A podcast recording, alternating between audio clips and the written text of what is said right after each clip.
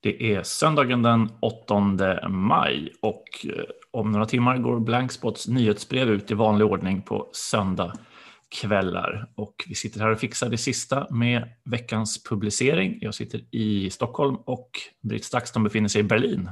Hej! Hallå, hallå! Hallå, hallå! Det är också en historisk dag idag, 8 maj, 9 maj. Segerdagen ja. eller Europadagen eller hur man nu väljer att rama in eh, dessa, dessa historiska datum. Hur är stämningarna i Berlin? Ja, här är man ju, eh, kommer man ju eh, även idag uppmärksamma det eftersom man på kvällen den 8 maj eh, var den dagen då tyskarna, eh, vad säger man på svenska? Kapitulerade. Vad heter det? Kapitulerade. Kapitulerade var det ja, ord jag sökte. Ja. Exakt. Eh, och nu också på grund av kriget i Ukraina så ehm, eh, är ju då den 9 maj eh, använd för så mycket propaganda så att det kommer vara fyllt av aktiviteter och kransnedläggningar och eh, 3500 poliser är i tjänst för att kunna säkerställa att det inte ehm, eh, blir för eh, häftiga reaktioner vid något av de här eh, momenten eller sammanhangen. Och, eh, eh ja, så att vi försöker ta reda på var de befinner sig och helt enkelt inte vara i närheten av några av de händelserna. Men man ska väl helt enkelt undvika centrala Berlin känns det som mm. idag. Mm. Mm. Magdalena Andersson var ju nyligen i, i Tyskland tillsammans med finska eh, finska regeringen. Och ja. Jag såg precis att DN hade en hel ledare som handlade om hur bra det var att Magdalena Andersson pratade tyska. Att vi måste sluta läsa spanska i skolan nu, barnen måste, måste läsa tyska och franska. Möjligtvis ja, mindre ju... språk, men det är, här, här bor vi, här finns vår historia. Eh, det är de här banden som behövs ja. Eh, upp, ja, upprätthållas. Ja, och sen har förstås tidningarna varit fyllda av det eh, faktum att eh, det kommer ske besök från Tyskland till Ukraina, vilket ja. ju Zelensky eh, tackade nej till tidigare. Ja. Eh, så det har ju varit en stor nyhet. Men intressant är förstås att eh, när man träffar människor och de får veta att man är från Sverige så är ju frågan hur det är i Sverige och hur stämningen är runt NATO. Så att det är en fråga man får återkommande här. Ja. Mm. En, en aspekt av den, alltså bortom det säkerhetspolitiska, om man, om man kan man ju inte lämna, men om vi säger att vi lämnar det, eh, att verka just som utrikeskorrespondent och vara svensk, har, där har ju också alliansfriheten spelat en viss roll i konflikter. Alltså man är inte amerikansk journalist, då blir man ju ständigt misstänkt för att vara spion eller jobba för amerikanska ambassaden. Eh, man har inget ryskt pass eh, eller, eller motsvarande heller, utan just det svenska passet har ju varit en möjlighet att kanske få tillgång till miljöer och personer som man inte hade fått om Sverige hade varit en, eh, ett, ett NATO-land på något sätt i, i det avseendet. Just. Ja, det var en tanke. Ja. Eh, ja, annars så, eh, jag tänkte vi ska prata lite om, du skrev en söndagskrönika förra söndagen att Elon Musk köper Twitter löser inte alla världens problem, var rubriken. Det visade sig att du hade fel där. Det löste alla världens problem med Elon, om man ska tolka reaktionerna på det. Eh, vi ska återkomma lite till det. Eh, men i veckan så har också Donald Boström varit i, eh, i Ukraina, både i Kiev och i Butja och runt om på landsbygden i Ukraina. Och han har publicerat den fjärde delen i en serie från honom från Ukraina, där han möter bland annat Ukrainas digitaliserings minister och som berättar hur landet, ja, men redan från, från Krimkriget och, och, och framåt ställer om och börjar jobba mer digitalt eftersom regeringen inte kan ses och hur ja, landet är oerhört liksom, eh, långt fram vad gäller att digitalisera både det offentliga och vanliga medborgares liksom, tillgång till olika tjänster och så digitalt. Var det något nytt i den intervjun för dig Britt? Du som har följt det här och skrivit om det sedan krigets dag ett. Ja, för jag skrev ju om det väldigt tidigt, den här DIA-portalen. Så det var, ja. dels var det ju roligt att höra det direkt från eh, eh, digitaliseringsministern, men också se användningssiffrorna och även detta med hur den här eh, portalen, om man ska kalla det för samhällstjänster, ju utökas eh, här under kriget. Jag tror att jag nämnde eh, att det finns någon slags eh, Bolibompa, alltså no något för barn att alltid titta på när man befinner sig i, i ja, det var ju uttryckt så att om man satt i skyddsrum och så, att det mm, fanns mm. liksom en underhållningsdel där. Och eh, Donald nämnde ju eh, några spelfunktioner, eller hur? Mitt i den mm. samhällstjänst som annars används för allt möjligt. Och eh, användarsiffrorna är förstås eh, intressanta. Men mm. jag tyckte du som eh, också reflekterade över det här att man fick ju perspektivet av, jag har ju tittat mycket på vad som hände från när de trädde till makten 2019 och hur det har varit så tydligt att genomföra den här digitaliseringsresan. Men här fick vi ju det där perspektivet av att det också ju kom sig av eh, eh, den, ja, men den gemensamma kamp som har eh, drivits ända sedan eh, krimannekteringen och det, eller hur? Mm, mm, ja, men verkligen. Eh, det finns också ett annat reportage från Butja där Donald Boström följer med en volontärorganisation som evakuerar civila. Och en av de aktiva i den organisationen är för detta Miss Universum som evakuerar barn från Sverige till krigets Ukraina. Så att det är en tag-along med henne under några timmar i Butja som man kan läsa om på, på sajten, de tankarna kring fortsatta evakueringar. Eh, Linnea Bergqvist har också intervjuat årets Per Anger-pristagare eh, Annabelle Lemos från Mosambik som berättar om sitt miljöengagemang och om hur, eller engagemang låter nästan puttigt jämfört med, alltså med livet som insats, eh, står de upp för klimatet och mot oljebolag, gasbolag och annat i eh, Mosambik. Det finns en, en lång omfattande intervju med henne om utmaningarna och möjligheterna och det genomslag de ändå får i Mosambik för sina frågor. Eh, Linnea har också i veckan skrivit om Fifa-chefen som gjorde ett lite udda utspel i veckan. Eh, han sa att han tar åt sig heder och ära av alla förbättringar för migrantarbetare i Qatar och eh, menar att det är tack vare att Fifa gett dem jobb eh, som de har kunnat liksom, få stolthet och värdighet, de här migrantarbetarna. Som ett svar på kritiken då att tusentals har dött i Qatar sedan landet fick VM. Mot det här bland annat Byggnads ordförande rasat och tyckte att det är liksom skandalöst att Fifa, som han menar, inte har lyft ett finger, sprungit under radarn och inte brytt sig. Eh, de har försökt få med Fifa i tio års tid, att nu går de ut och tar åt sig äran av andras arbete. Gör mig förbannad, säger Johan Lindholm. Eh, så den kan man också läsa som en del av vår Qatar-bevakning. Eh, men Elon då. Eh, det var förra veckan som han köpte, eller det blev klart att han skulle köpa Twitter och bolaget avnoteras från, från börsen. Och glädjevågorna gick höga bland, bland många. Eh, och det var väl till och med så att en av de här riskkapitalisterna som intervjuades i Fox, David Sachs, sa att det här är som Berlinmurens fall vad gäller betydelsen för den fria världen. Och många drog ju på väldigt, väldigt stora växlar att demokratin eh, har verkligen segrat nu genom detta, detta uppköp. Eh, du skrev en, en, eh, en, längre analys hos oss som eh, ja, försökte sätta det här i ett perspektiv. Du har ju liksom följt de här frågorna i decennier eh, kring digitalisering, demokrati och ägande på nätet. Och så skrev du också en, en debatttext i GP eh, om hur, hur eh, ja, medierna, mediers relation till, till Twitter, som ju också är en, en av dina käpphästar eh, som du ofta återkommer till. Men eh, om man börjar med Eh, så här, liksom två veckor senare, har det kommit fram någonting som gör att du ser annorlunda på den här affären än vad du gjorde då när du skrev, skrev texten? Nej, alltså det, jag tycker ju fortfarande att det är djupt bekymmersamt. Eh, eller det avslöjar sig någonting i hur eh, Elon Musk och hans fans och supporters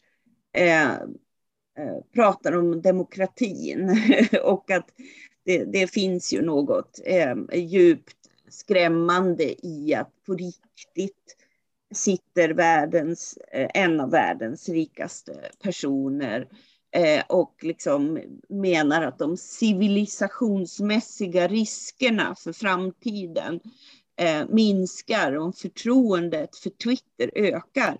Det är ju liksom, det är ju absurda mm, eh, jag vet inte ens hur jag ska beskriva det, att, eh, men den här typen av överord över Twitters betydelse när man samtidigt kastar ur sig 27 000 lösa tankar, allt ifrån om att eh, alla ska verifieras.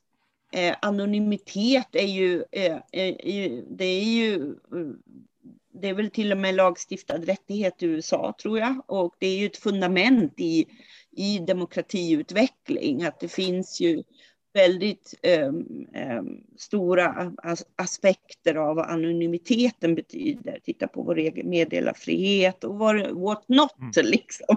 Det är grundkurs 1A på något sätt. Så det är det här, det är de här stora orden om yttrandefrihet, men så otroligt låg kunskap om eh, komplexiteten i yttrandefrihet och demokratifrågor.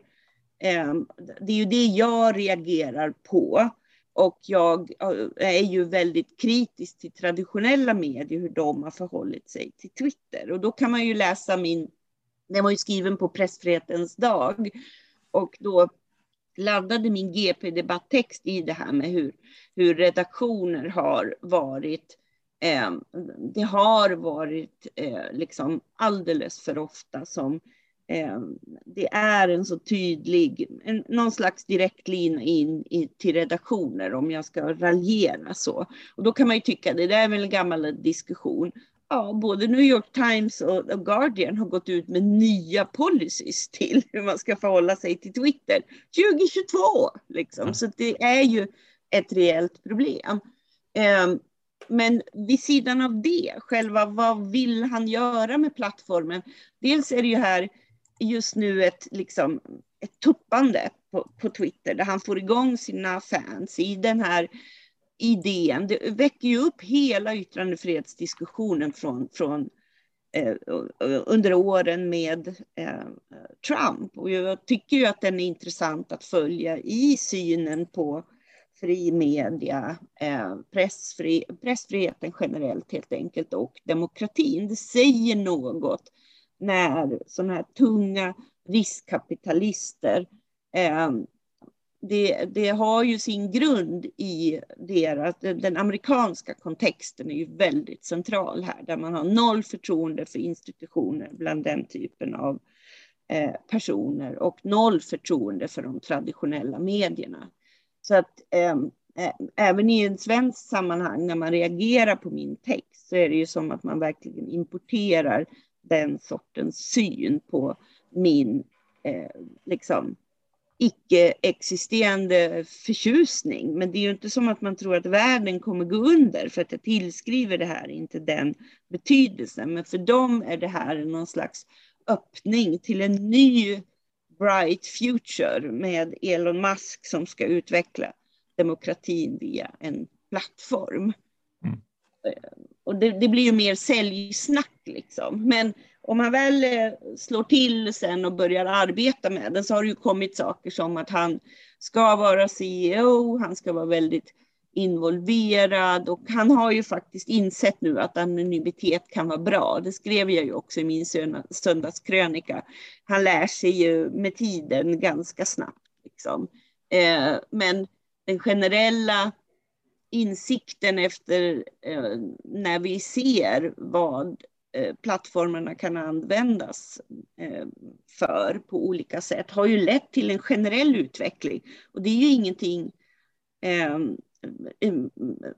i omvärlden som gör att det är snarare så att man ser en trend till att de som startar plattformar vill ha mer moderering och deras användare vill också ha eh, vad som ofta beskrivs som mer trygga, säkra miljöer och som man vill vistas i och som man eh, vill slippa eh, bli påhoppad, hatad eller hotad. Liksom. Det är ju en generell eh, nätutveckling för den typen av plattformar. Ska man prata den stora nätfriheten och så, så är det ju mer frågor om nätneutralitet och att det ändå det är det här en applikation, en plattform liksom.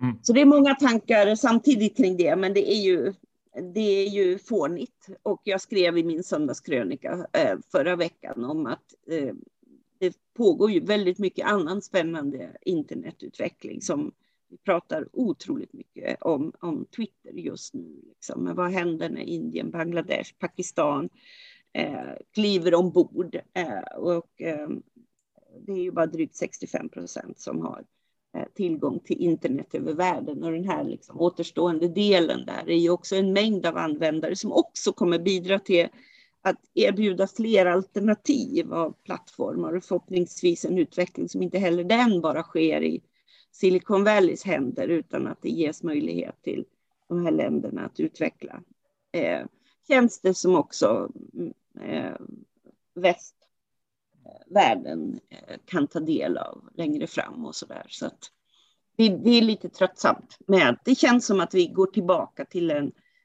otroligt infekterad, polariserad yttrandefrihetsdiskussion som, som jag faktiskt trodde vi till delar kunde lägga bakom oss. Liksom. Men har det skett någon skillnad än i, liksom modererings, i synen på moderering på Twitter? Alltså, eller det kommer komma Nej, det, över, men för det är väl ändå det som är liksom kärnan. Hur hårt ska det där modereras? Vad ska flaggas upp? Vad ska inte flaggas upp? Och så vidare. Det är väl runt ja. det som som ändå själva ja, men, det, står. men allt är bara löst ja. snack. Ja, jo. För, menar, han har ju själv, det, det är faktiskt lite uppförstorat utav medier och alla yttrandefrihetsdrömmare. Liksom. Mm. Han själv har ju de facto redan innan han köpte insett att eh, han pratar ju om den gällande lagstiftningen Mm. För det är ju faktiskt det det ytterst utgår ifrån också. Och då är det ju också även med den europeiska DSA-lagstiftningen som träder i kraft nu, som har tydliga regler om plattformar som verkar på den europeiska marknaden som ska redovisa hur man jobbar med de här frågorna. Eh, eh, så att, men han själv, det han har hintat om går ju, sen har han fortsatt lite på Twitter i den här härraden om Eh, och även hans investerare som har valt att gå ut på Twitter lyfter ju de här delarna om eh, att eh, yttrandefrihet inte kan vara villkorad och Elon Musk säger att han hellre vill fria än fälla i mm. situationer där det blir gråzoner. För allt det här handlar ju om gråzoner ganska snabbt. Liksom. Och det låter väl rimligt att hellre fria än fälla. Eh, livstidsavstängningar har han sagt i någon intervju att det kanske inte eh, behövs. Och det låter ju också rimligt, särskilt i relation till om man tillskriver de här plattformarna det här värdet. Så. Eh, men, eh, eh, och, och, att, eh, men det kommer ju fortfarande finnas. Det är ju det är en, en helt öppen plattform. Är det, ju, det går ju inte ens eh, att hantera. Jag tror ingen vill ha det. Men då har man ju en tanke om att de här algoritmerna, dels ska de ju vara eh, i öppen källkod och eh, läggas ut på GitHub som är en sån ehm, eh, plattform och så kan den som vill ehm, kika på det, men framför allt att den vanliga användaren som kanske inte bryr sig om att gå in och titta på koden ska kunna välja lite tydligare om vad man vill se. Och det låter väl mm. också mm. utvecklingar som gör det sunt. Det kan man ju till delar i relation till vad man väljer att följa och även det finns ju ämnesområden och så på Twitter. Och det görs ju en massa utvecklingsprojekt som re, i, redan på Twitter som mm. har testat mycket av det här som har dykt upp i hans snack. Eh, det finns ju något som heter Twitter Blue som finns i eh, Australien och Kanada Eh, och där kan man redan eh, editera, ändra i sina tweets som är en sån sak som har dykt upp. Eh, och eh, eh, en slags prenumerationsfunktion, det har han också pratat om. Och det är ju allt det där, jag tycker en prenumerationsfunktion på Twitter, det låter också helt rimligt. Det har jag tyckt långt innan Musk kom in i bilden. Mm. Men det gör ju att den här analogin med det öppna fria torget i ett samhälle, i en stad, fullständigt faller. Mm. Både anonymitetssnacket, att alla ska legitimera sig då för att få gå in på det här torget. Men den stora skillnaden som vi absolut inte har pratat om och som inte jag riktigt beskriver så mycket i mina texter, eh, men är ju ett supergrundproblem. Det är ju hur marginellt ändå Twitter används. Eh, mm. generellt är ju eh, både i Sverige och i USA, bland de som ens har Twitterkonto, så är det bara eh, 10 procent som är aktiva. De är super-users. Eh, så. Mm. Eh, och i övrigt så är det ju, det är ju så långt ifrån analogin med det öppna torget faller liksom helt, för det öppna torget är fritt för, för alla och passeras nog av eh, de flesta i en stad över tid. Liksom och så. Medan det gör ju inte den här plattformen ännu. Mm. Eh, och jag såg att Musk han har ju fått typ 12 miljoner nya följare, så han når väl snart, det är väl ingen som har gjort tror jag. Eh, 100. Mm. ja, över 100 miljoner följare helt enkelt att han har fått 12 miljoner nya på den här tiden, det tycker jag var intressant. Och det är mm, ändå 12 mm. miljoner som inte har varit liksom, hans fans eller följt honom tidigare på det sättet. Eh, men eh, ja. Mm.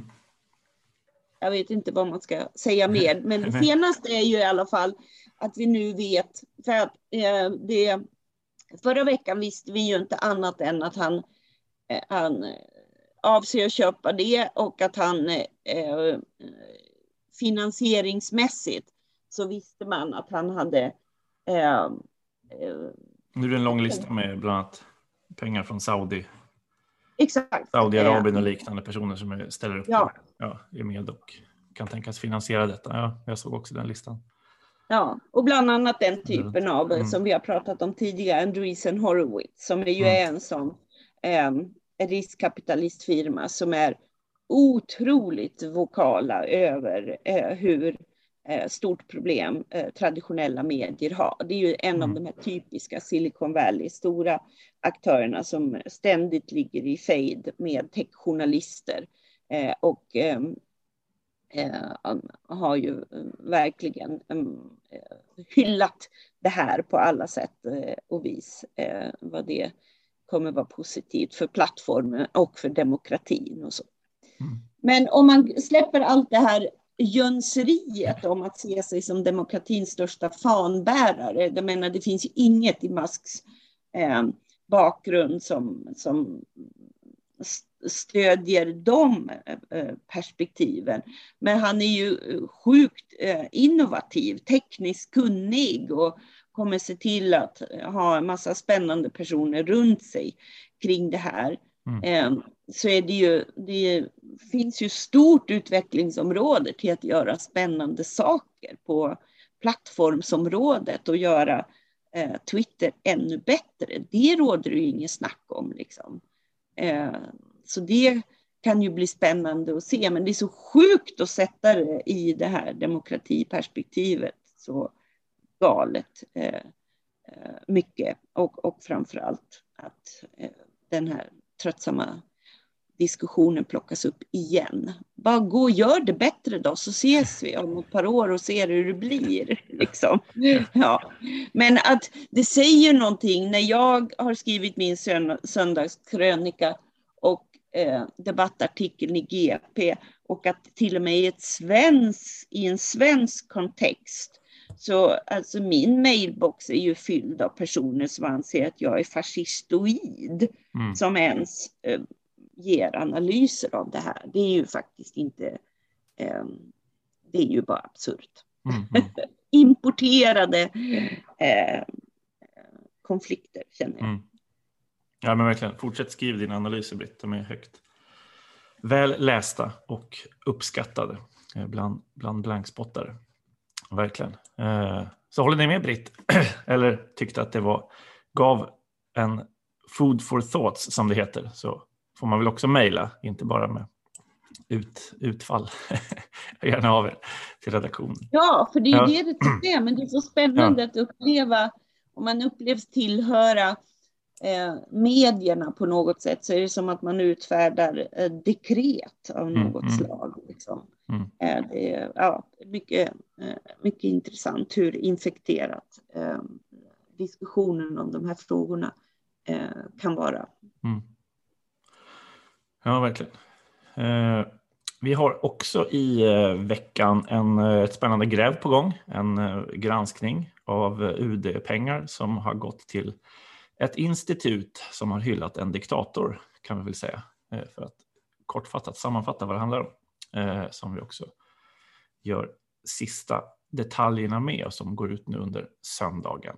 Så att det kommer vara som vanligt ett bra innehåll i Blankspots nyhetsbrev som man ju får utan kostnad om man prenumererar på det. Men vi hoppas ju att så många som möjligt av er också ska vilja betala månadsvis eller årsvis till oss så vi kan fortsätta göra journalistik.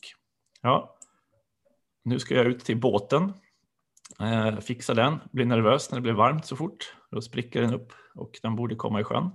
Eh, typ igår, men, ja. den ligger på land. Så jag ska ut göra det sista inför att kunna kasta i den så snart som möjligt. Ja. Jag tycker fortfarande att du ska göra någon eh, special över din eh, djupa båtpassion vid tillfälle. Ja, framöver. Mm. Det får komma. Ja. Det är väl också en av de få grejerna man har som inte är, har med journalistik att göra. Så att lite, ja. man försöker freda det så länge det går, men i längden är det inte möjligt att freda det. Uh, ja, och du återvänder, repatrieras. Ja. Eller lämnar, lämnar hemlandet, eller, hem, Centraleuropa, där du, ja, där du har dina rötter. Ja, ja men fint Rit. Vi ses i veckan och ha det gott alla blankspottare. Yes, ha det gott.